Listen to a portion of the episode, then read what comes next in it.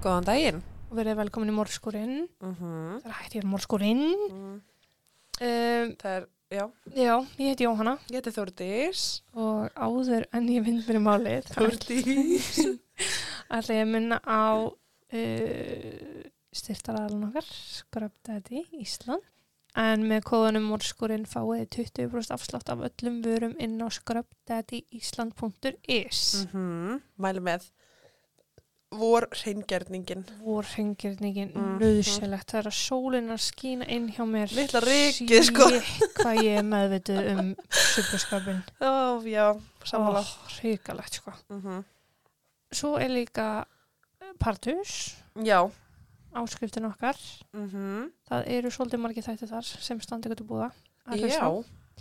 það kostar 990 krónur á mánuði. á mánuði já og það eru þættir okkur um einasta mánuði Mm Jöp. allt gamalt efni fylgir með eins og er Já, og sagt, ef þið kaupið áskrift 17. februar, þá gildir hún til 17. mars. Já.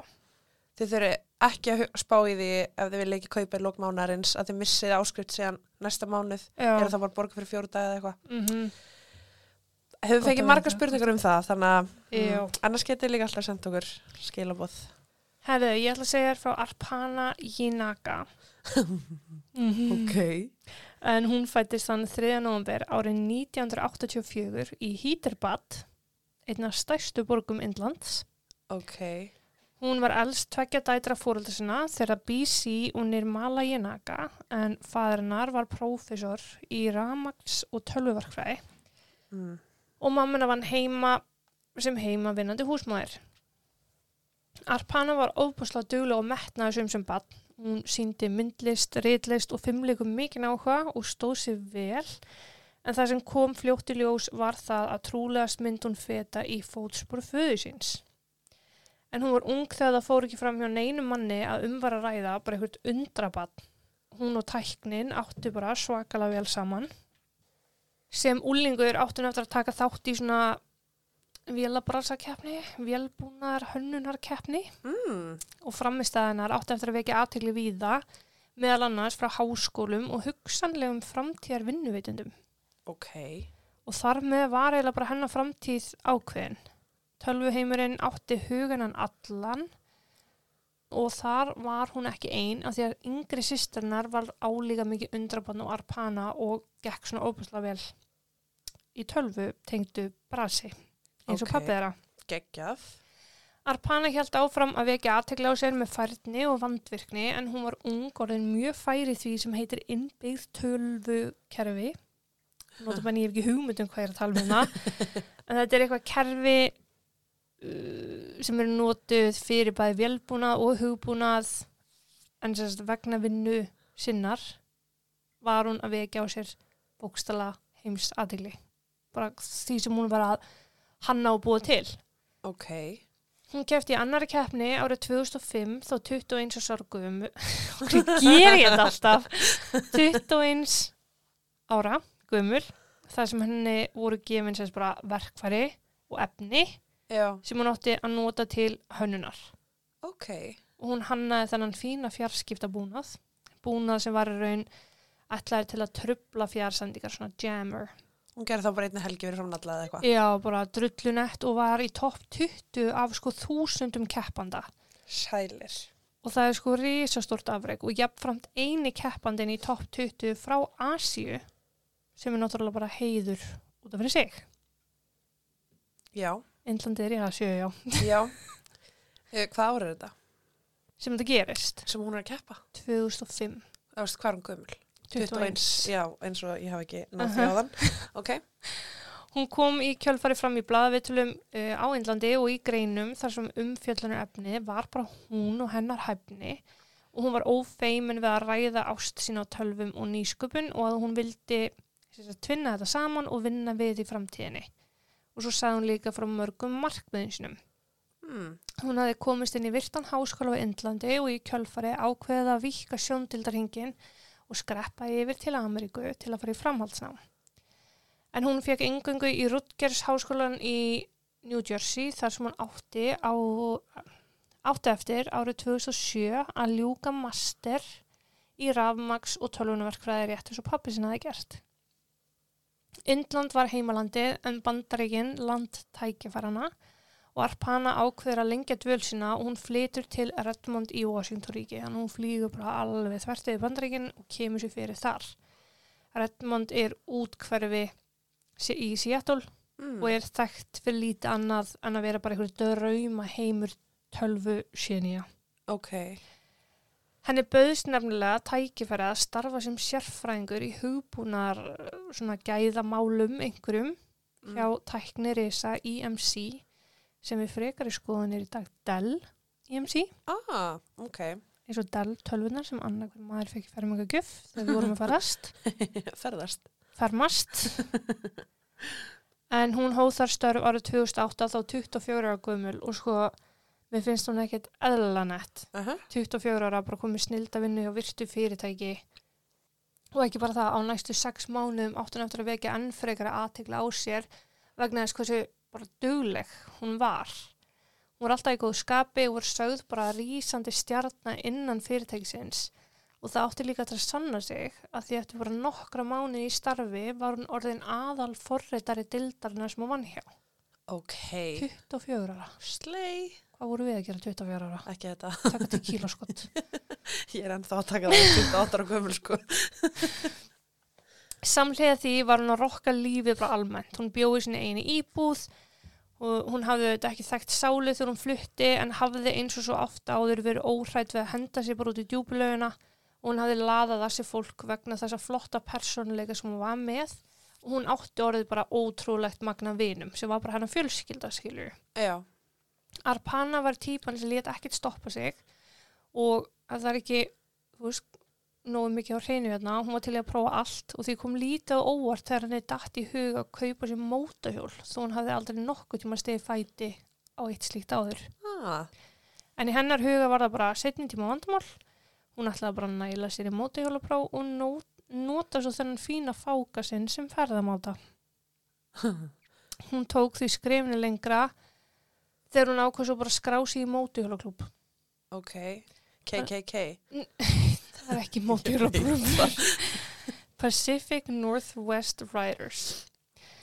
Meðlemur hópsins voru auðvitað frekar hissa á þessari ungu konu sem hefði bara ákveðið að hún væri núna bara hluti af klúbnum án þess að í raun vita neitt um mótuhjól en Arpana átti eftir að sanna sig þar eins og alls þar annars þar og var orðin innan skams flink á mótuhjólinu sínu. Mm. Þá var hún öll í sjálfbóðlega starfi, hvort sem það hétt slökkviliðið eða dýratkvarf. Hún bauð fram aðstóð sína. Hvað? Hvað var hún ekki að gera? Já, ég veit ég ekki. ántjóks. Ég er bara, hún var ekki að taka til kíla allavega. Nei, og eins og hún hafi ekki haft nóg að gera, þá var hún líka nefnd í taekwondo, tók þátt í söngleikjum og svona endur meins þá var hún söngkona í hljómsveita að það vantaði. Já, og svo er fólk að segja, ég sé geðvik. Þú veist, 24 ára er hún búin að gera meira en margur gerar á heilri manns æfi, sko. Já, gott betur en það, sko. En föstu daginn 31. oktober eða á rekjavíkunni þá mætir Arpana í vinnuna eins og hún var vön og hún sagði samstarfsfélaginu sínum það að hún væri svo spennt fyrir partíi sem átt að vera í íbúða byggingun hennar um kvöldið. Mm. Um, ég, ég kalli þetta held ég fimm mismönda hluti Ok. en þetta er svona apartment complex. Já, Þetta er bara svona margar íbúðir. íbúar samstæðu. Já, eitthvað svona. Ég Já. held ég kalla það líka á einhverjum tíma þegar það er eitthvað annað. Ok. Eftir vinnu þá var hún að skreppa og kaupa hrekkja og skraut eins og mamma þín gerir og svo heim og skreppa Já.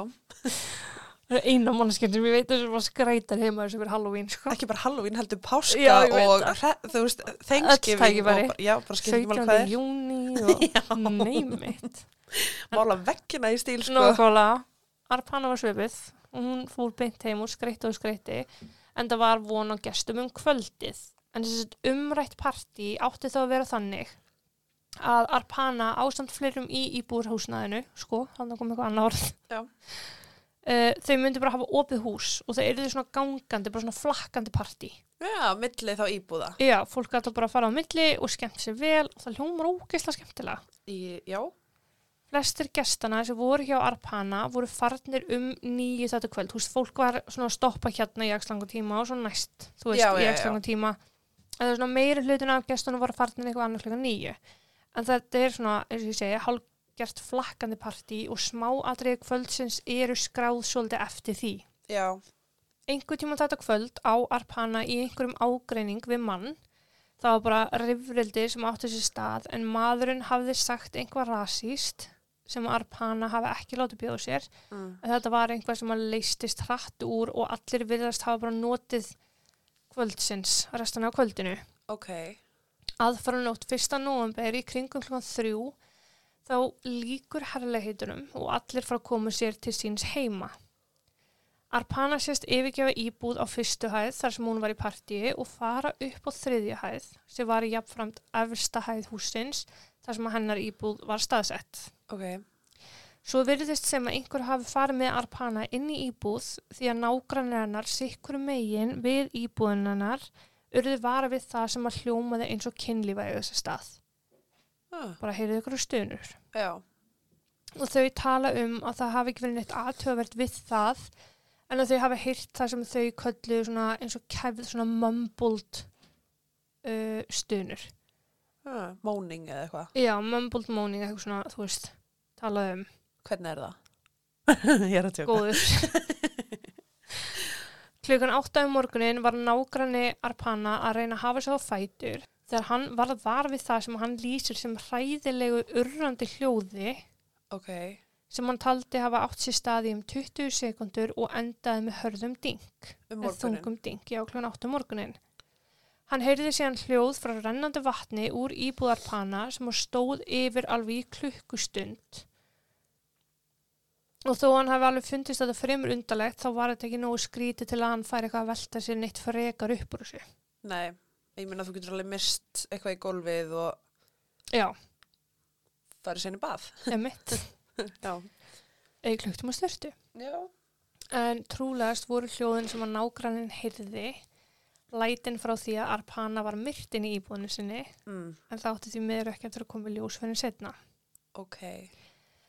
Arpana hafði ekki farið heim til Indlands í heimsókn í meir en tvö ár eða frá því að hún flutti upprunlega til bandaríkjana en það hafði ekki stoppað hann að vera samt í mjög reglulegum samskiptum við fjölskyldinu sína og hafði meðal annars tala við þau kvöldi fyrir rekkjavökupartíið eða 15. 30. oktober. En fjölskyldan hafði ekki heyrt neitt síðan þá þau hafði ekki heyrt í henn á föstudeginum, ekki á laugadeginum og ekki á sunnudeginum og hún svaraði þeim ekki þau þau hringdu heldur og þeim þótti þetta undarlegt en verandi í sko 12.500 km fjarlægð Já, þá gæti ekki gert raskat. nei. Á mánudeginu mætti Arpana svo ekki til vinnu sem var afar sérstakt og samstarfsfélagar hói strax handa við að reyna að ná, ná á hana í gegnum símtöl, skilabóð, tölvupústa en fengu engin svör og þetta er bara strax þannig klokkan halv áttu morgunin eitthvað þegar hún var ekki mætt. Ok, Það mátti vel vera að Arpana væri bara að trassa í þetta eina skipti og því vakti þetta engar svona sérstakar viðvöruna bjöllur. hafði partíið verið kvöldin áður? Nei, tveimur dögum ára á föstudeginum. Ah, ok. En fjölskylda Arpana voru ekki rólegi í Indlandi og endanum á sunnudeginum mánudags morgunin höfðu þau sambandi við mann sem hefði verið nefandi föður Arpana og bjó á svæðinu Mm. og úsku eftir því að hann myndi bara fara heim til Arpana og lítast um og eftir henni. Já, Þanga mætti klokkan nýjum morgunin og hann rekst á einn nágranna Arpana. Uh, þeir ræði saman og þessi fjölskyldu vinur reynir að fá upplýsingar frá þessu nágranna hvort hann hafi eitthvað séð Arpana eða viti hvað hann geti verið og úrverður að þeir ákvaða að fara sama bara upp að íbúðunarnar og kíkja á bara status. Já. já. Þeir gengu að hurðinni og benguðu og við það þá opnaðist hurðin bara upp á gátt. Ok, Hún hafði þá verið svona illa lokuð. Þeir sáu nú samt fljótt að hurðin var skemmt eins og einhver hafi bara neitt sér, inn, neitt sér leið inn í íbúðinni í gegnum hurðina. ah, Listanir í hurðafálsinu voru brotnir svo hurðin hafði nóg rými til að opnast þegar bengu og svo bara passaði ekki inn í nei. lengur. Þeir gengu nýbúðana og tók á móti þeim strax undarlega lykt í bland við hreinsefna lykt. En þeir lituðust um skönnuðu yfir aðeins og gengu fljótlega inn í svefnherbyggi Arpana. En þar á svefnherbyggskólfinu lá hún látin og lík hennar farið að rotna. Á, tveimur dögum? Já, gerast þú svo mikið á tömudum. Ó, ó, ok. Það voru allavega svona ábyrjandi merkjum það Hún hefði leiði eitthvað legið tíma. Já. Já, Fjölskyldu vinurinn tók strax upp síman og ringdi í neðalínu sem að ráðlaði þeim að fara strax út úr íbúðinni og niður á götunni og býða þar eftir lögreglu. uh Og þetta er náttúrulega glæpað vettvangur. Já, mjög trúlegast, það var bara allan óútskýrður döði Já. andlátt og þá þarf að það eru bara verkferðla sem þarf að fara eftir. Lögregla var komin innan skams og lokuði af vettvangi sem var nú glæpa vettvangur og hófust handa við að taka skýslur af öllum þeim sem þeir gátu að þessu stöldu. Tæknideild lögreglunar var komin innan fjögur á tíma og unni sitt starf inn á vettvangi með því að rannsaka og skrásetja allt mjög vandlega. Lögregla hefði komist að þeirri niðurstöðu að Arpana hefði verið beitt kynfyrirslega ofbeldi, barist við gerandi sinn og að lokum verið myrt miða við uh, hvernig allt leit út á vettvangi. Það þáttu ljóst miða við ástand vettvangsins að sá sem myrti Arpana hafi ætlað sér að fara inn til akkurat hennar að Arpana hafi bara hreinlega verið einhvað skotmark. Mm. Morðingin hafi sparkað hurðinu upp til að komast inn en það þáttu ljóst að þegar Arpana fór að sofa hafði hún læst hurðinu sinni með bæði bara venjulega lásnum en líka utan og liggjandi lás, Já. svona keðilás. Ok. Morðingin hefði þurft að beita miklu afli til að komast inn og því nokkuð ljóst að það var bara ásetningur og vilji að verki. Já, Það sparkar enginn upp hurð sem er tvílæst nema að ætla sér inn sko. Akkurat. Bersinlega merki um átök voru í íbúðinni sem að staðfesti enn frekar að morðingin kom aðna bara með eitt í huga. Líkar panna hafi fundist nakið, hún lá með andliti niður í gólfið og var blóðug að hluta til en að öðru hluta hafi verið held yfir hennar bæði mótorolju og klór. Oh. Íbúðin hafði angaða hreinsöfnum svo þar var tenging uh, á milli og, og engin önnur ástæða bak við það annan að morðingin hafi verið að reyna að hilma yfir gjörðir sínar og afvegleiða lauruglu. Uh -huh. Klórin hafi verið notaður á fleiri stöðum í íbúðinni en búið var að þurka af nokkrum húsgögnum með klór sem hefði uppleitað þau. Þar meðal var borð í stofunni sem var uppleitað og blettir í teppinu eftir klórið sem uppleitast Já, en það voru líka blettir eftir mótoróljana og það var trúlega þessi skrýtna lykt sem að þeir fundu þegar löpuðin í búinu upprunnulega nágrannin og þessi fjölskylduvinnur. já, já, já. En morðingin hefur þá verið að drösla klór og þessari ólju kannski úr stofinu inn í svefnherbyggi sullað eða þú veist lekið úr brúsunum Já, klór, það voru allavega svona drópar sem að leita bara Svo inn í blettir. svefnherbyggi, já. er þetta eitthvað sem að morð ekki kom með eða eitthvað sem hún átti bara heima á sér? Nei, átti eftir að koma í ljós að hún átti þetta hvort það heima á sig, sko. Ok. Lík hennar var flutt til réttalæknis, Kingsíslu sem átti að framkoma réttakrupningu til að reyna að skera úr um hver dánar orsök og atvik væru. Í ruslagemslu íbúasamstæðunar tveimu dögum setna átti eftir að finnast flaska af mótorolju sem að gerandin hefði þó líklega fundið inn í íbúðarpanna og síðan notað til að hella yfir hana. Flaskan hefði verið tóm og fundist í plastpoka sem að innihjall líka rekkjavökubúningin hennar. Blóðiðan blaðst baðslopp og rúmfutin af rúmi arpana en lauruglan hefði tekið eftir að það vantaði. Já, Inn á baðherbyggi, inn í íbúðinni hafði tækni dildin sem sagt fundið sængin hennar uh, sem var sænguverslaus en blóðug og ofan í baðkarinu í bleiti í sem sagt ykkur klórblöndu trúlegast til að reyna að eigða frekar í sönnunugögnum. mm, Þá hefði morðingin kveikt í hinu og þessu, teppi og meðal annars kápu sem Arpana hefði verið í kvöldun áður, svart lag og hlutar úr golfteppinu. þetta er bara vel planað Já. og já, Allt þetta var sendt rakleiðis til rannsóknar á viðjandi rannsóknarstofu en niðurstöðunar voru þetta ekki væntanlegar fyrir en að einhverjum vikum síðar ef ekki mánuðum. ok.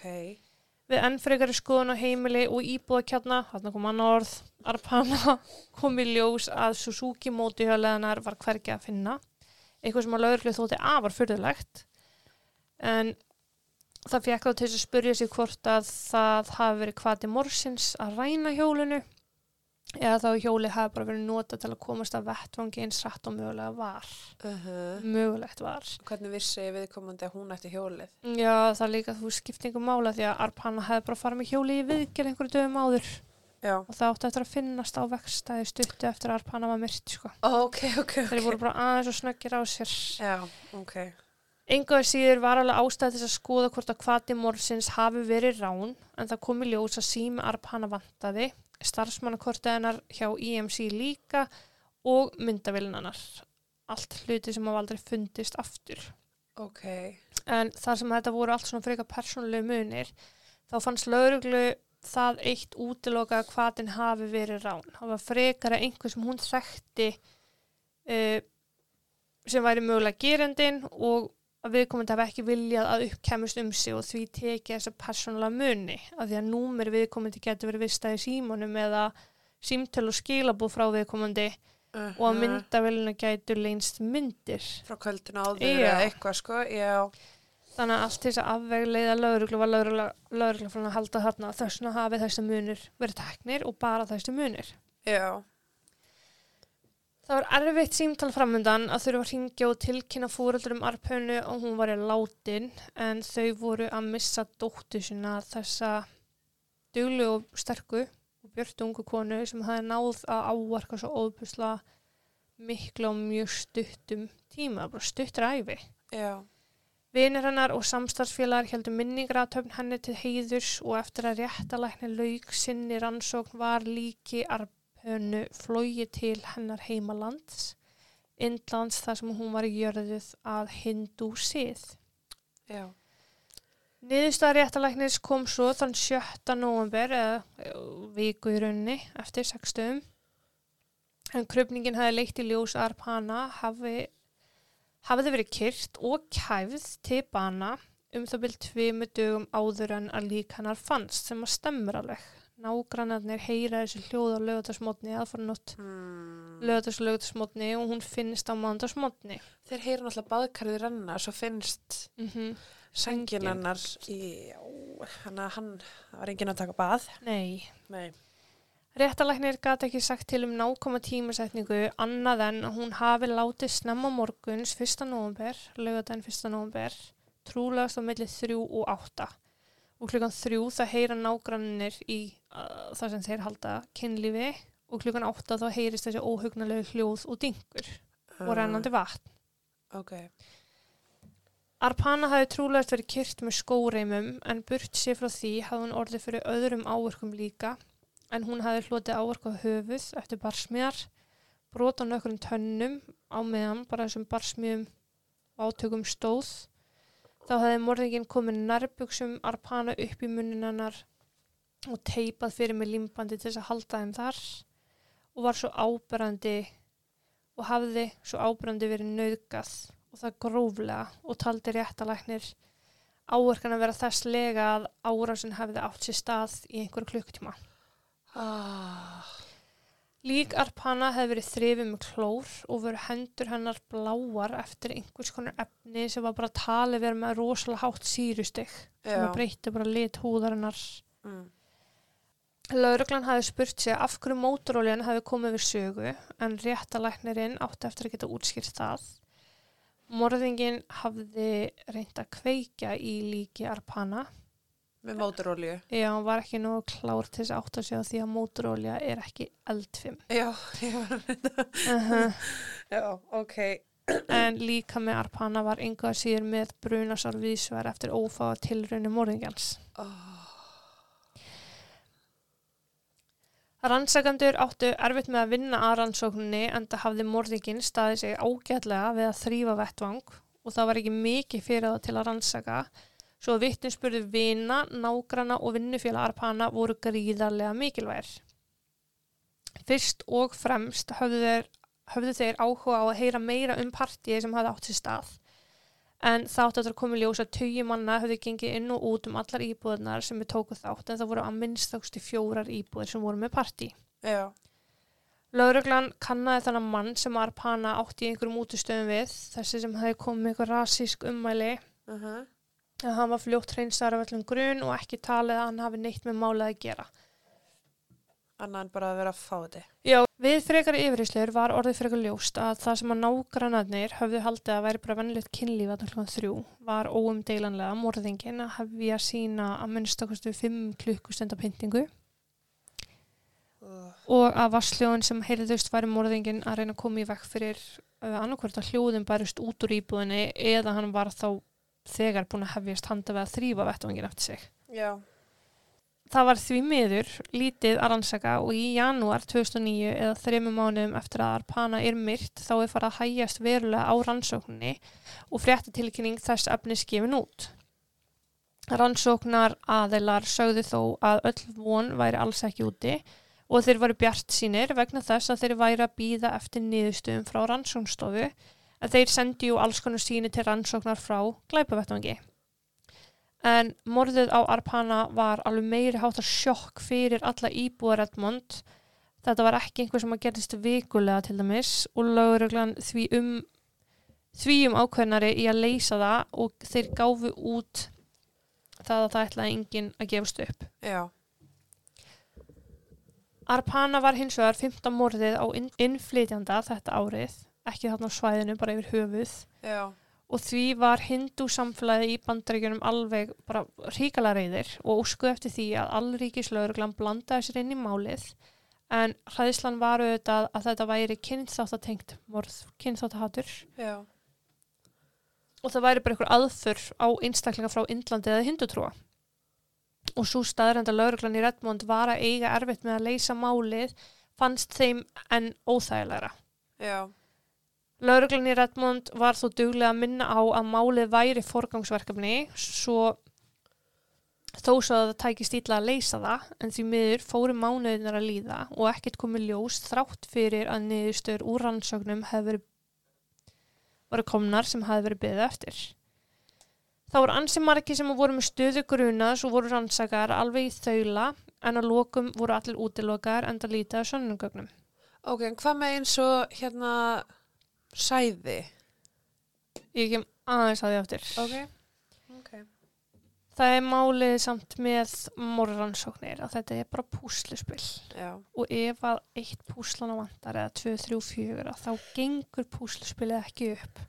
næ, Rannsóknir aðilar gáti ekki einu sinni sammælst um hver kvati morðsins gat hafa verið svo það flækti enn fyrir því það var varðla tími til að skoða alla kvata. Það er þú veist kynfyrslegur, ástriðuglæpur, tilviljunarkent já, uh, tengdist þetta starfsframma Arpana var eitthvað afbreyðsamur, þú veist. mhm, það var engin endaleg niðurstað á kvatanum og því og því um meira til að skoða og því um meira flættist rannsóknin. já, Arpana átti samt enga óvinni, hún átti bara vini og alveg ógeðslega marga vini.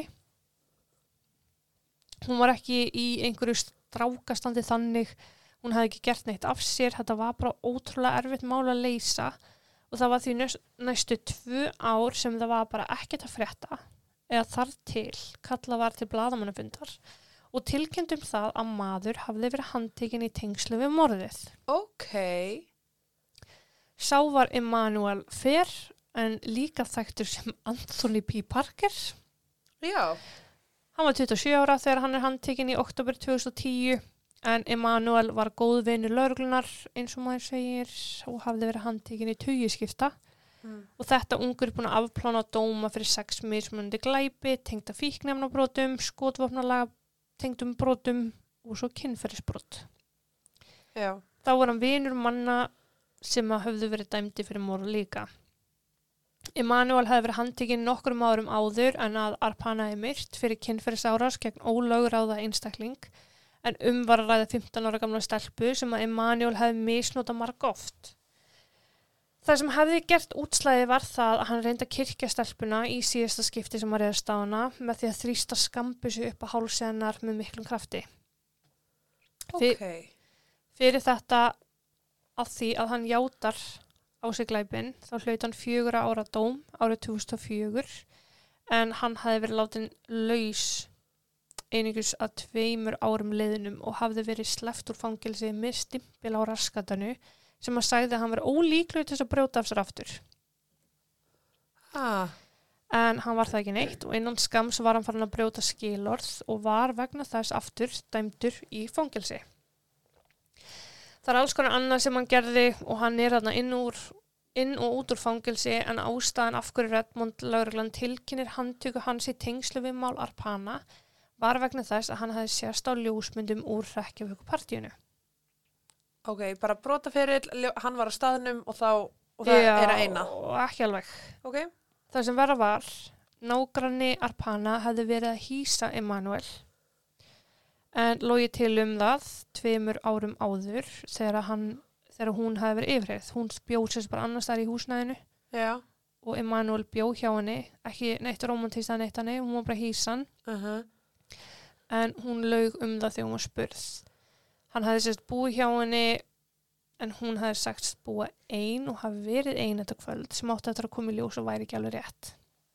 Emanuel hafði átti miklum samskiptu við fólki í blokkinni uh, í gegnum partíð Já. meðal annars nágrannan sem síðar koma líki Arpana en Emanuel hefði meira að segja átt í samskiptu við Arpana sjálfa en þrim vikum eftir að Arpana er meilt þá er Emanuel beðin um að koma í skýslutöku og hann segir frá því að hann hafi verið í partíi inn í íbúð Arpana og hann hafi meira að segja setið með henni á meðan hún síndi honum myndir á tölvunni sinni sem var staðsett inn í henni.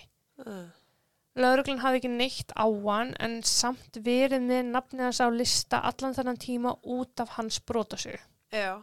Og lauruglan tilkynir á lokum að Emanuel sé handtekinn og ákjörðu fyrir morðið á Arpana vegna samansapn af upplýsingum sem þeir höfðu sankað að sér í gegnum þessu tvö ár en líka vegna þess að lífsíni höfðu fundist á vettvangi frá honum uh, á límbandinu sem var notað til þess að líma nær fötinu upp í munni Arpana Ah, á hálsunum áni og svo á blóði og sloppnum sem fannst í pókanum í ruslagamnum. ok. Þetta pluss það að Emanuel var greipin í lígi voru rökin fyrir handtökunni en Emanuel hafði sagt frá því að hann hafi farið heim til vinkunni sinnar að sofa klukkan eitt um nóttina og hefði verið sofandi en hann hafði samt hringt tugi símtala millir 2 og 5 þessa nótt þar á meðal í vinkunni sinnar sem hann saðist vera heima hjá sofandi. Uh. Saksóknuri gaf út yfirlýsingu þar sem hann sagði að Emanuel yrði ákjærður fyrir morða fyrstu gráðu og að svo styrði eftir lífstíðadómi í stað 35-45 var dóms vegna alvarleika brotsins og stöttu síðar hófust réttarhöldin þar sem að Emanuel lísti yfir sakleysu sínu og verjendur hans líka. Verjendur hans voru harðir á því að hann hefði ekki hlutið réttláta meðferð frá upphafi og lauruglun hefði mætt honum miklu harðar en öðrum grunum einstaklingum málsins og töldu þeir ástæðinu vera vegna þess að Emanuel var dökkur á hörund. Uh, með brotaferill, uh, með DNA inni á Mhm. heimilinu. Mm Framkoma lauruglíkar Emanuel sögðu verjendur hafi verið neikvæða en ekki hlutlaus og hann hafi verið ásakar frá fyrsta degi án þess að laurugla væri með haldbar sönnunagögn gegn honum eða yfir höfuð sönnunagögn sem bentu til sektar. Þetta er náttúrulega áður en að úr kemur úr rannsókn lífsína. Já, ok. Þeir gengur svo langt og sögðu að lauruglumenn uh, hafi bara verið fjandsamlegir, bara ætlaði að negla Emanuel af því að hann væri auðveld bráð í samanburði við hina hvítu mönnina sem hefði leiðindu grunn, einmitt af því að hann var með saka uh, sögu um brot Já. og ég hef haft meiri kvata til að myrða Arpana. Þess, þeim fannst margir aðurir uh, menn hafa haft meiri kvata til að myrða Arpana en nokkuð tíman Emanuel sjálfur. Þetta er úr bara verðjendur að vinna vinnunum svona vel, skilur. Já, algjörlega. En máli var líka það að misræmi átti eftir að greinast í réttar greiningum, rannsóknum. Oh. Uh, réttar greiningu sönnungagnana sem hefði verið sapnað af vettvangi sem átti eftir að breyta þessum réttarhöldum svakala og ég raun senka öllu mjög, mjög lengi. Og nú þarf þú að hlusta, minn kæra. Ah. Ok. Málið er þá það að það er hugbúnaður notaður af réttar rannsóknarstofum. Þetta er hugbúnaður sem getur tekið til dæmis tíu DNA síni og greint þau, brotið þau bara þvílitt niður og svo borið saman við DNA síni sem finnst á vettvangi og þannig fundið lík erðarmerki lífsínana og lokum gert upp á milli hvert sínana er líklegast til að stemma við síni sem fannst á vettvangi. Ok, þannig að það var af bara tíu í úrtaki mm að þá var þetta líklegast. Já. Þetta er þá í tilfellin þar sem er ekki neitt svona afgerandi lífsýni, endilega heldur svona trace evidence, til dæmis spilt lífsýni í rauninni. Ok, Þá er mjög gott að geta nota svona aðferð. ok, Þetta er bara líkendamatt og já, þó svo þetta sé afar hjálpsamt tæki, þá er enginn vafi um að þetta er, þetta er ekki einhver endanleg niðurstaða. Niðurstaðan bendir til að hugsanlega er Emanuel tengdu glæknum, jafnvel þúsundsunum líklegri til að vera tengdu glæknum, glæknum en hinn nýju sínin, en það er sann vafi já til líka staðar. að því að þú veist ekki 100% að eitt af þessum tíu sé morðingi. Já, Þannig að þú ert í raun bara að taka hver passar best mm og fara út frá því ánum þess að vita nákvæmlega. Já, en þetta er mjög góð tækni og hún hefur líka unnið mjög vel í hináttina þar sem að er sko menn sem hafa verið dæmdir dæmdir saklausir að það hefur komið í ljósað með svona tækni Að, já, þeir voru, saklausur sko. já, sem hafa verið dæmdir segir að þeir voru saglisir. Já. Já. En verjendur Emanuels eru sérst að nota það að lauruglunni Redmond þau notast við rannsóknstofu sem notar eina útgafu af þessari tækni.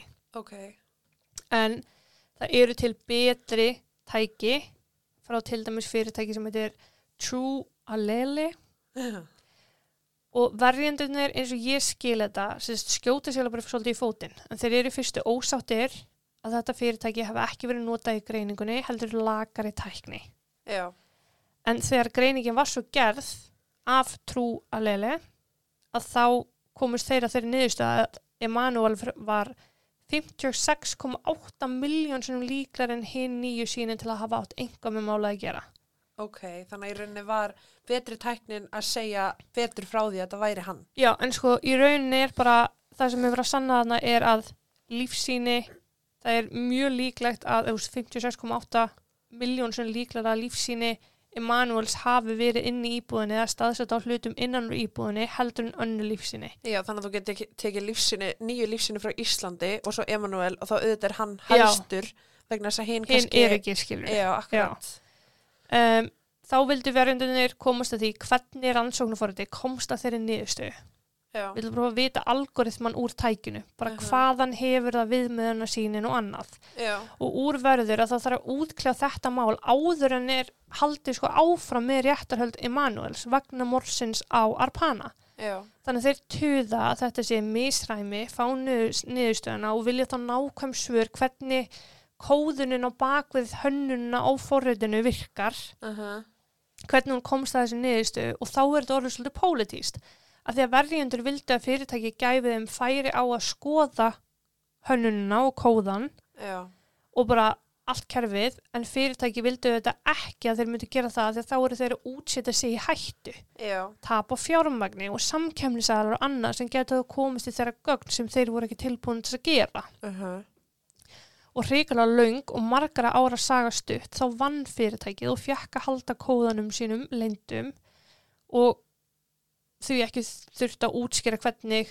þau tækið komast. já, komst að þessu niðurstöðu. En á meðan öllu þessu stóð þá satt Emanuel náttúrulega í fangils allan tíman Já, og það er ekki fyrir í februar 2017 sem að réttarhaldin gegn honum átti eftir að hefjast. Meir en sex árum frá því hann er fyrst formulega ákjörður og rúm átta árum eftir að Arpana er myrt. já, Saksónir gaf það skýrt út að þeir ætluðu að sækist eftir þingri refsingu eins og ég nefndi og þeir fór grænt ljósa það vegna þess hversu gróður glæpunum var. uh Saksóknari málaði mynd af sí afbrótamanni sem hafi hitt Arpana í partíi og fengið hann á heilan. Þeir nefndu staðrendina að Emanuel hafi logið. Sagst hafa farið heim klukkan eitt en hafi samt ringt þessi símtölum millir 2 og 5 í konuna sem hann bjó hjá sem stangaðist klálega á við frásögnun hans. Saksóknari fekk konu til að byrja vitni en svo kona hafi mitt fengið eina símringinguna frá Emanuel þessa nótt klukkan kortur í 5 um nóttina. ok, En símtalið hefði bara endað í talhólfi en þar mátti heyra bara svona ís og þys. Það voru ekki læti, það var bara síminn væri á stöðugur í hreyfingu. ok, Emanuel bar fyrir sig að hann hafi bara rassvasa hringt í hana sem er líka svolítið skrítið þar sem hann segir hann hafi verið sofandi. já, hver séum er síma sinni í vasanum? Engin. Nei, Og þeir eru allir læstir skilur þannig að já, Saksóknari hjælt áfram og hjælt í fram að lífsýni Emanuel hafi bara fundist á þeim stöðum sem að morðingi hafi getað skilið eftir þessi síni Ég, á teipinu. já, þú veist, Já. þetta verður annað ef að lífsinni væri skilur á hurðarhúninum auðvitað, það eru margir sem kannski tóki hurðarhúnin þetta kvöldi. Einmitt. Nú var staða saksóknara helviti sterk því þeir eru látið trú að leðilega greina, greina sínið, vá, sínið að beðinu verjanda Emanuel og því yfirgnæfindi líkur á að Emanuel væri svo seki en auðvitað alltaf þessi vafi. Já, Haldi var áfram og talaði um að Emanuel hafi jafnvel verið með vitólsmann. Það er saksóknari sem að nefni það. uh, Nágranna sem kom að Arpana með fjölskylduvinnum en sá nágranni átti alveg í svona félaga sambandi við Arpana, þú veist, þau voru vinir. ok, En saksóknari segir sérst það að það má vel vera að nágrannin hafi verið vitólsmaður en að þó svo að það þætti full sannað þá væri samt yfirgnæfindi sönnunuga gegn Emanuel að þessu stöddu og að nágrannin væri þá bara meðsigur en ekki að Emanuel væri saklus. en af hverju er saksóknar að benda þetta í? Einmitt. What, það er mjög skrítið, því hann er reyna að setja meiri vafa á Emanuel. Já, hann er sérst bara í að því að, sko, þetta sprettur út frá því að verjandin nefnir að þessu aðri menn sem hafa komið til greina. Já, og nefnir nágrannan skilur já, og þarna er saksóknir að svara því en gera það mjög því að þetta er gegn stjórnarskráni já, að gera þetta sem þeir að gera. Og ég kem aðeins betur að því. Verjendur Emanuels harneituð þessu þetta og sögðu það að lífsýni nágrannans hefði verið á glæpavettvangi sem að gerði nágrannan í raun meira sekan en Emanuel sjálfan. ok, Raunin var samt svo að það voru lífsýni eftir marga kallmenn inn í íbúð Arpana. Hún hafði jú haldið partí kvöldi áður. uh Verjendur notuðu upplýsingar til að styrkja málu sitt en það hafði sér satt fundist sæði síni í hangklæði uh, sem fannist inn á söfnherbyggi frá öðrum nágrana húsins mm. Og enn eitt lífsinnið hafi fundist á reym sem að talin hafi verið notuð til þess að kirkja arpana. Þannig að málið er svolítið að falla um sjálft síðana. já, Skóreiminn sem talið vera morvopnið þar annað DNA á því heldur en þeirra. já, Það er sæði allt í hennu inn í herbygginu þar sem hún finnst myrt. Þú veist, þetta er orðið svolítið flókið dæmi, sko. já, en fannst ekkert sæði inn í leggöngum? En það var sérst með DNA af frá þessu sæði og af reyminni að voru tvekja mennina, voru með gjörsamlega skotheldar fjárvist sannanir. Það má bara vel vera að Arpana hafi sofið hjá nágrannin sínum einhverju áður en það er einhver sem kemur henni ekkert fram og ég, þú veist, held það bara vera þegar kemur einhver við. Já, Það sem þeir, þú veist, er ekkert viðriðin um málið. En hvoruð þess að manna hafði verið í Halloween-partíunu eða í nálað við íbúðakjarnan og það þótti alveg skotheld og full sannað. Ok, Verjendur bentu síðar á að Emanuel hefði lent í einhverju smá slísi sem var til þess að vörun hans sprakk. Og þetta hafði verið staðfist af fleirinum sem hefði verið í partíunu og þess vegna gæti verið að lífsýni hans væri að finna í íbúðinni meðal annars á baðslopnum sem hefði jú verið inn á baðherbyggi þar sem Emanuel hefði farið til þess að þrýfa sér vöruna. ok, og sprakk það áður eða eftir? Eða þú veist, var hann með sprungna vör í partíinu? Hún sprakk í partíunu. Hún sprakk í partíinu, Já. ok. og einspendur á að það tók lauruglun næstum tvö ár að sína Emanuel áhuga sem grunum einstakling en á þeim tíma hafði lauruglan meðal annars ráðfært sig við miðil til að leitast eftir aðstöðum hvernig er að snúi sínu málunu sem að verjendum fannst sína og sanna hversu léleg vinnubröð lauruglu hefði verið. Já, Þá hefði pókin í ruslatunni ekki fundist fyrir ná miðvíkudegi eins og ég sagði þarna tveim dögum eftir og því bera þeir fyrir sér að gögnin séu spilt og einhver hefði jafnvel átt við þau og komið sög yfir á Emanuel. já, þannig að fór ykkur í ruslið, snertu þau, tók lífsinn Emanuel setti á það. Það var náttúrulega DNA frá öðru manni í saman póka, sko. Já, Þannig að maður ætla bara að horfa á þetta út frá sönnunugöngum og staðrindum, skilur já. að þá, þá er maður alveg að skilja að það er Veist, það er náttúrulega vafið til já. sko. Annað sem þeir eru ósattu við var að saksókniri hafi nefnt að það mætti vel vera nágranninn sem kom að líki Arpana gæti hafa haft einhver með málið að gera. Þeim fannst það bara ekki koma Emanuel neitt við og ég raun bara sína fram á meiri vafa fyrir utan það að það er ólöglegt það er ólöglegt að ákæra einn af tveimur ef að tveir eru grunar um eitthvað verknað Já. Þú veist, það má ekki taka bara hvori líkleri. Nei. Þetta endaði í tveggja mánuða réttarhaldum og ástæðan fyrir því að ég er að fara svona ofan í þetta alls saman er vegna þess að kviðdómanir 12 voru ósamála Já. en 6 vildu meina það að, að Emanuel var saklaus og 6 að hann verið segur og 5 að þeim vildu meina það að nágrannin sem kom að henni Mm. uh, hefði jafnvel einhver með mála að gera sem flækir ennþá meira. Af hverju eru 12 kviðdóm? Af hverju eru ekki 11 eða 13? Þannig að, já, Þannig að þú lendir ekki í... að þið vilja hafa veist. Já. En upphaflega höfðu verið nýju sammála um að Emanuel væri saklaus og þrýr að hann væri segur eh, sem er enn frekari ástæði fyrir niðurstöðum málsinn sem síðar varð. Þetta er samt sem sagt hung jury Já. og ákjærvaldið voru snöggir til að ákveða þeir vildu samt reyna á þetta aftur. Áfriða niðurstöðunni.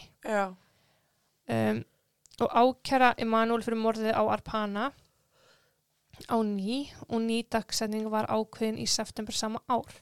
En nokkrum dögum áður en að endur upptaka málsins átt að hefjast þá voru réttarhöldin sett á ís, bara í byð, eða þanga til að áfrínu nefnd væri búin að fara yfir málið fyrst til að sjá hvort það væri grundfullur til að endur upptaka málið. Já. Allan setni hluta ársins 2017 og allt 2018 var önnu barða sem átti eftir að eiga sér stað en saksókniri var að reyna að byggja mál á mögulega þess að Emanuel kæmi núna fram við hlýð þessa uh, mögulega vitursmanns, nágrannans, Ok. uh, sem hafði aldrei nokkuð tíma verið bendlaði við málið eða ákjærður. En verjendur Emanuel sögðu að þetta væri bara yngavinu bóði að því að ríki geti ekki reynt eitt og nú annað að þið fyrra gekk ekki. Já. Saksóknir er bara fokkað upp sorry, saksóknir, já, saksóknir er bara fokkað upp að ákjæra Emanuel einan en bendla nágrannanum inn í máli líka, það er bara í báa við stjórnarskrana. Já. Þeir hefðu getað dæmt þá hvort fyrir sig eða saman en þeir gátt ekki ákjært eitt þeirra fyrir hugsanlega glæpi þeirra begja. Já. Það er það sem er bannað og það er samt það sem að saksóknir var að reyna að gera. Uh Þá voru næg sönnunagögn til að benda, uh, bendla þannan nágranna við glæpin eins og það var Emanuel. Voru þá lífsýnin hans? Það var sko helling. Lífsinni frá þeim báðuminni íbúðinni en saksóknari kausa ákjæra einungis Emanuel. Það er staðrind að á einum tímapunkti vikunum eftir morðið að laurugla var að velta fyrir sig hvort að nágranninn væri viðriðin málið og hann var ítrekar í kjölfarið uh, á svolítið löngu tímabili Ok. en á einhverjum tímapunkti var ákveð að fara ekki lengra með það og þá er ekki tægt að varpa þessu fram í rétturhaldunum yfir öðrum manni Nei. en spenntu beltin. Uh, já. Þessi nágranni sem er hvergi nefndur á nafn því hann hefur aldrei verið ákjæru fyrir neitt. Skulum bara kalla hann Jón. Ok. Jón bjó í næstu íbúð við Arpana. Mm. Arpana og Jón átti í góðu sambandi, ekki neitt kynfyrirslegt eða neitt sleikt, bara góðu vinir. Nokkrum vikum fyrir morðið hafði verið eitthvað minna um samskipti þeirra á milli að því Arpana var á haus í félagsstörfum, sjálfbæðilega störfum, hún var að móti hjólast og vinna og alls konar. Og það hafði ekki verið neitt mál, það bara var meira að gera hjá henni og þau hittust minna. Já. En núna ætla ég að segja þér frá öllu því sem Jón hefur sagt lauruglu í yfirhyslum. Ok. Jón hætti að taka lifin sín á einhverjum tímapunkti, geður lifin sín, Mm. uh, en hann þurfti aldrei að gera grein fyrir því hvers slags lif hann var á eða af hverju hann hætti að taka þau eða hvaða sjúkdóm hann var að kljásta við. Ok. Jón mætti í partíið sinn og blindfullur. Hann viðkendi við lauruglu að hann hafi þetta kvöld verið í fyrsta skipti hissa á því að hann var svolítið skotin í Arpana. Honum hafi fundist hún líta mjög vel út og hann væri að vonast til að hook up with her, Ok. að fara henni heim. Einhvað sem hann hafi aldrei fundið fyrir áður. Jón segir að hann hafi farið í íbúðuna sína til að sofa í kringum miðnætti en símagögnin hans segja samt að hann hafi ringt í Arpana klukkan 02.56 og aftur klukkan 03.02. Ok. Þetta voru jáfnframt síðustu símtölinn sem Arpana fjekk. Jón segist ekkert muna eftir því að hann hefði ringt neitt, sagði bara við lauruglu, nei, ég ringdi ekki neitt og það var ekki fyrir að lauruglu sagði við hann bara, en Jón, við sjáum það hérna á gögnunum og þú ringdi tvísasun í hana Já. Og þá sagði hann bara, oh crap. Já. Fjöldi vitna sáu Arpana fara heim klukkan þrjú þessa nótt og svo heyrðu nágrannar stunur, einhvern ástarleik heldu þau. Jón var einn af þeim nágrannum sem sagði lauruglu frá þessu. Að hann hefði heyrt Já, og haldið að þetta væri bara ástarleikir. að því hann var einu megin við. Já. að, já. Uh, hann sagðist nefnilega að hafa sopnað á sófanum sínum sem að sneri upp að vegg sem að sagt, er skilin á milli íbúða. Já. Uh, en hann hafi vaknað fyrir þrjú um nóttina og þá heyrti þetta svo sopnað og vaknað tíu næsta morgun. Ok. Vittni sem kom heim úr vinnu í kringum þrjú þessa nótt vildi nú samt meina það að hann hafi séð hvítan mann sem Jón vissulega var og ekki Emanuel Já. í dýragettinni heima hjá Arpana og lýsingin sem að vittni gefur að kauða er svolítið mikið líkt Jóni. Ok. Þegar Jóni var sagt frá þessu að það var vittni sem að þóttist hafa síðan Já. þá staðast hann bara alls ekki muna hvort hann hafi farið yfir til Arpana á einhverju tímapunkti en hann heldi nú samt ekki. Ok. Jón sagði mannstu að hann hafi sofið til klukkan tíu Já. En við skoðun á hans tækjum á tólum þá kom í ljós að klukkan tíu þá var hann búin að prenta út kort með staðsetningu svona veðlána búða Ah. uh, þannig að hann var trúlegast vakandi einhverju undan því. Já. Uh, Jón fór ekki í veðbúð. Jón gerði heiðarlega tilrönd til þess að komast til Kanada þannig morgunin Já. án þess að vera með vegabrif svo hann var sendið tilbaka eftir að leit hafi verið framkvæmt í bílnum hans. Þegar að Jón var spurður út í þetta þá sagðist hann bara vilja skreppa í skoðunaferð. Ok, var hann ekki mökkar? Nei, þetta var deginum eftir skilju. Já, já, já. En einmitt, þú veist, það er akkur það sem mann langar að gera það með skellþunnur, keiri ykkur klukkutíma yfir til Kanada. Já, nei, bara ekki sens í Nei. helviti, sko. Má fara að Kentucky svo heim. Uh, já. Setna sama dag fór Jón í partí, sem sagt á laugadeginum, þar sem hann hagaði sér eins og bjáni og óð í einhvern mann í partíinu. Bara stopnaði til slagsmála. Mm. Vitni úr þessu partí hafa nefnt það að Jón mætti haldur þetta kvöld Ok. í partíið og það má þá kannski spyrja sig hvort hann hafi verið að reyna að fá einhverja áverka, áverka eða fá einhverja ástæði fyrir áverkunum sem hann var með fyrir. Mögulega. Ah. Hann nefnilega átti eftir að segjast hafa orðið haldur í kjölfar þessa slagsmála þrátt fyrir að vitni hann hafi mætt haldur áður en að slagsmálun átti þessu stað. Ok. Mm -hmm. Vinir Jóns höfðu nefnt við laurugli í gegnum rannsókn málsins hannar uh, Arpana bara frá upphafi að það væri alveg áhugjefni að Jón hafi nýverið hætt á geðlifjum sem getur auðvitað, það getur fyllt í aukaverkanir og, og skapbreyting og allt hannig Já. Og hann hafi dagana og vikunar undan verið svolítið sár yfir því hvað Arpana hefði lítinn tíma fyrir hann. Því hún, hún átti orðið fyllt af vinum og það var brjálega að gera hjá Já. en hann var að segja við lauruglu mér er alveg sama að ég er bara, bara full á skilning fyrir því.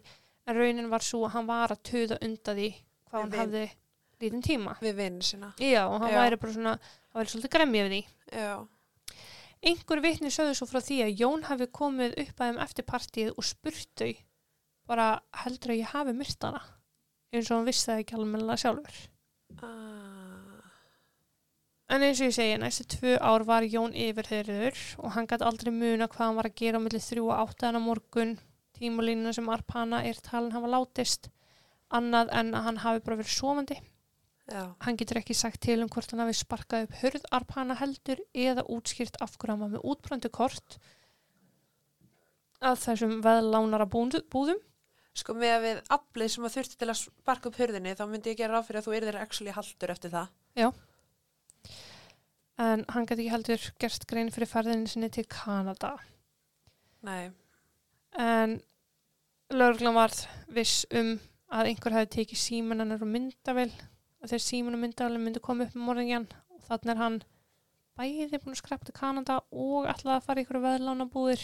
Já, Það er svolítið góð tíma til þess að losa sig við síma og myndavel ef Já. að Jón er sá seki.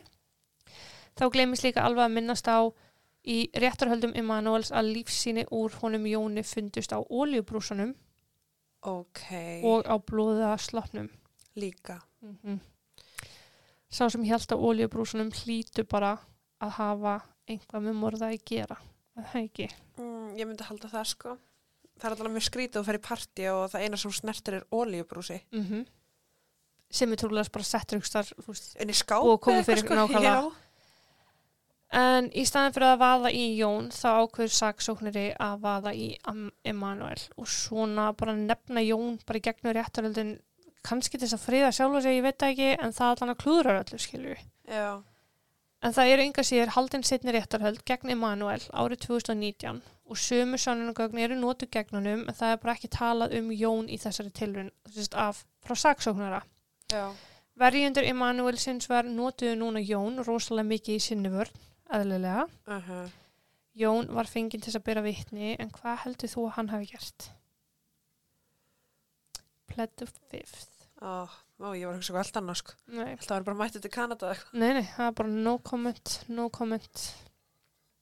Vildi ekki svara. I plead the fifth. Mm. Það kom því fáum og óvart þann 7. júni árið 2019 þegar kviðdómur kom tilbaka með niðurstöðu um að Emanuel væri saklaus af öllum ákjærum Já. en tekið samt fram að það sé vegna þess að það sé alltaf mikil vafi til staðar Það er það sko. Já, og að niðurstað, þeirra segja ekki til um hvort að Emanuel sé raunverulega saklaus Uh en hann satt inni allan þennan tíma og það náttúrulega fyrsta sem hann gerði þegar hann komst út var að sækjast eftir feitum bótatjekka sko. Já. 100 p sko. hann er 27 ára þannig að hann tíðin bara best aldrei skilur 6 ár Já. sem farið þetta. Sælir sko. Nei, nýju ár hann Níu handtekinn ár? 2010 Já, shit. 2019 er hann síknaður Já.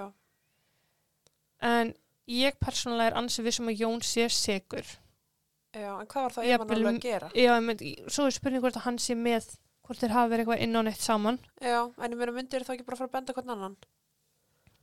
Jón er náttúrulega bara gott hjá hann að þegja það er búið að handega eitthvað gaur og hann er látin í friði Já. veist en það er almennt sér búið að benda á tvo aðra menn Já. í kringum hann mál annar verandi raðnöðgarinn Mark O'Leary en sá er uh, retired hermaður Ok. hættur að vinna og hann ákvað að bara fara að brjótast indi hvenna og misnóta þær Já. Ok.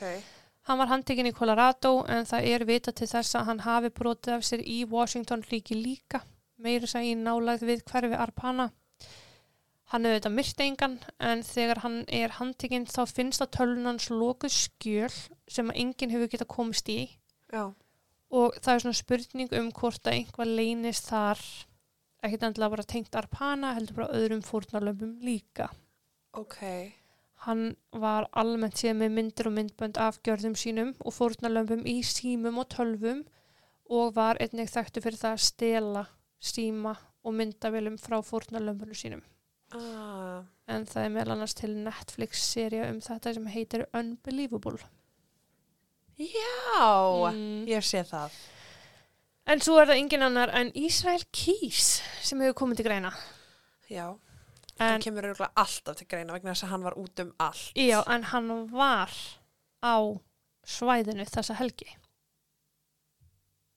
Það eru aldrei fundist neginn ástæði fyrir þessari ferð Ísrael en hann flög allana frá Alaska til Seattle þessa helgi og það eru auðvitað að tala um að hann sem er fórnarlömb út um öll bandreikin en rökin eru svo sem ekkert meiri skilur. Já. Ég er nú samt viss um að að minnstakusti Jón hafi verið að verki Já. og að Emanuel sé annarkvöld eitthvað viðriðin eða eitthvað Uh -huh. en það er bara umulegt að svona unga flott stelpa sé bara hrifsuð frá öllum sem hana elska Já. en málið hennar er óupplýst ennþá dæn í dag það eru svo sem bara fjögur ár síðan að Emanuel er síknaður en enga síður Já. Mér finnst þetta að vera beint fyrir fram að nefa á lauruglun sko því geta náttúrulega ekki ákært Emanuel aftur þeir klúruðu því. Já. en muna er nota að ákæra Jón? Eða bara láta eiga sig að því að hún hvort er var ekki frá bandaríkjunum hún er ekki með neina ættingja sem að berjast fyrir hana hún átti bara sína vini skilur Já, sem reyndar til þess að enda þetta svona aðeins á ljúari nótum mótuhjóla gengi hana til dæmis er með á ári hverju minningar húnt henni til heiðurs.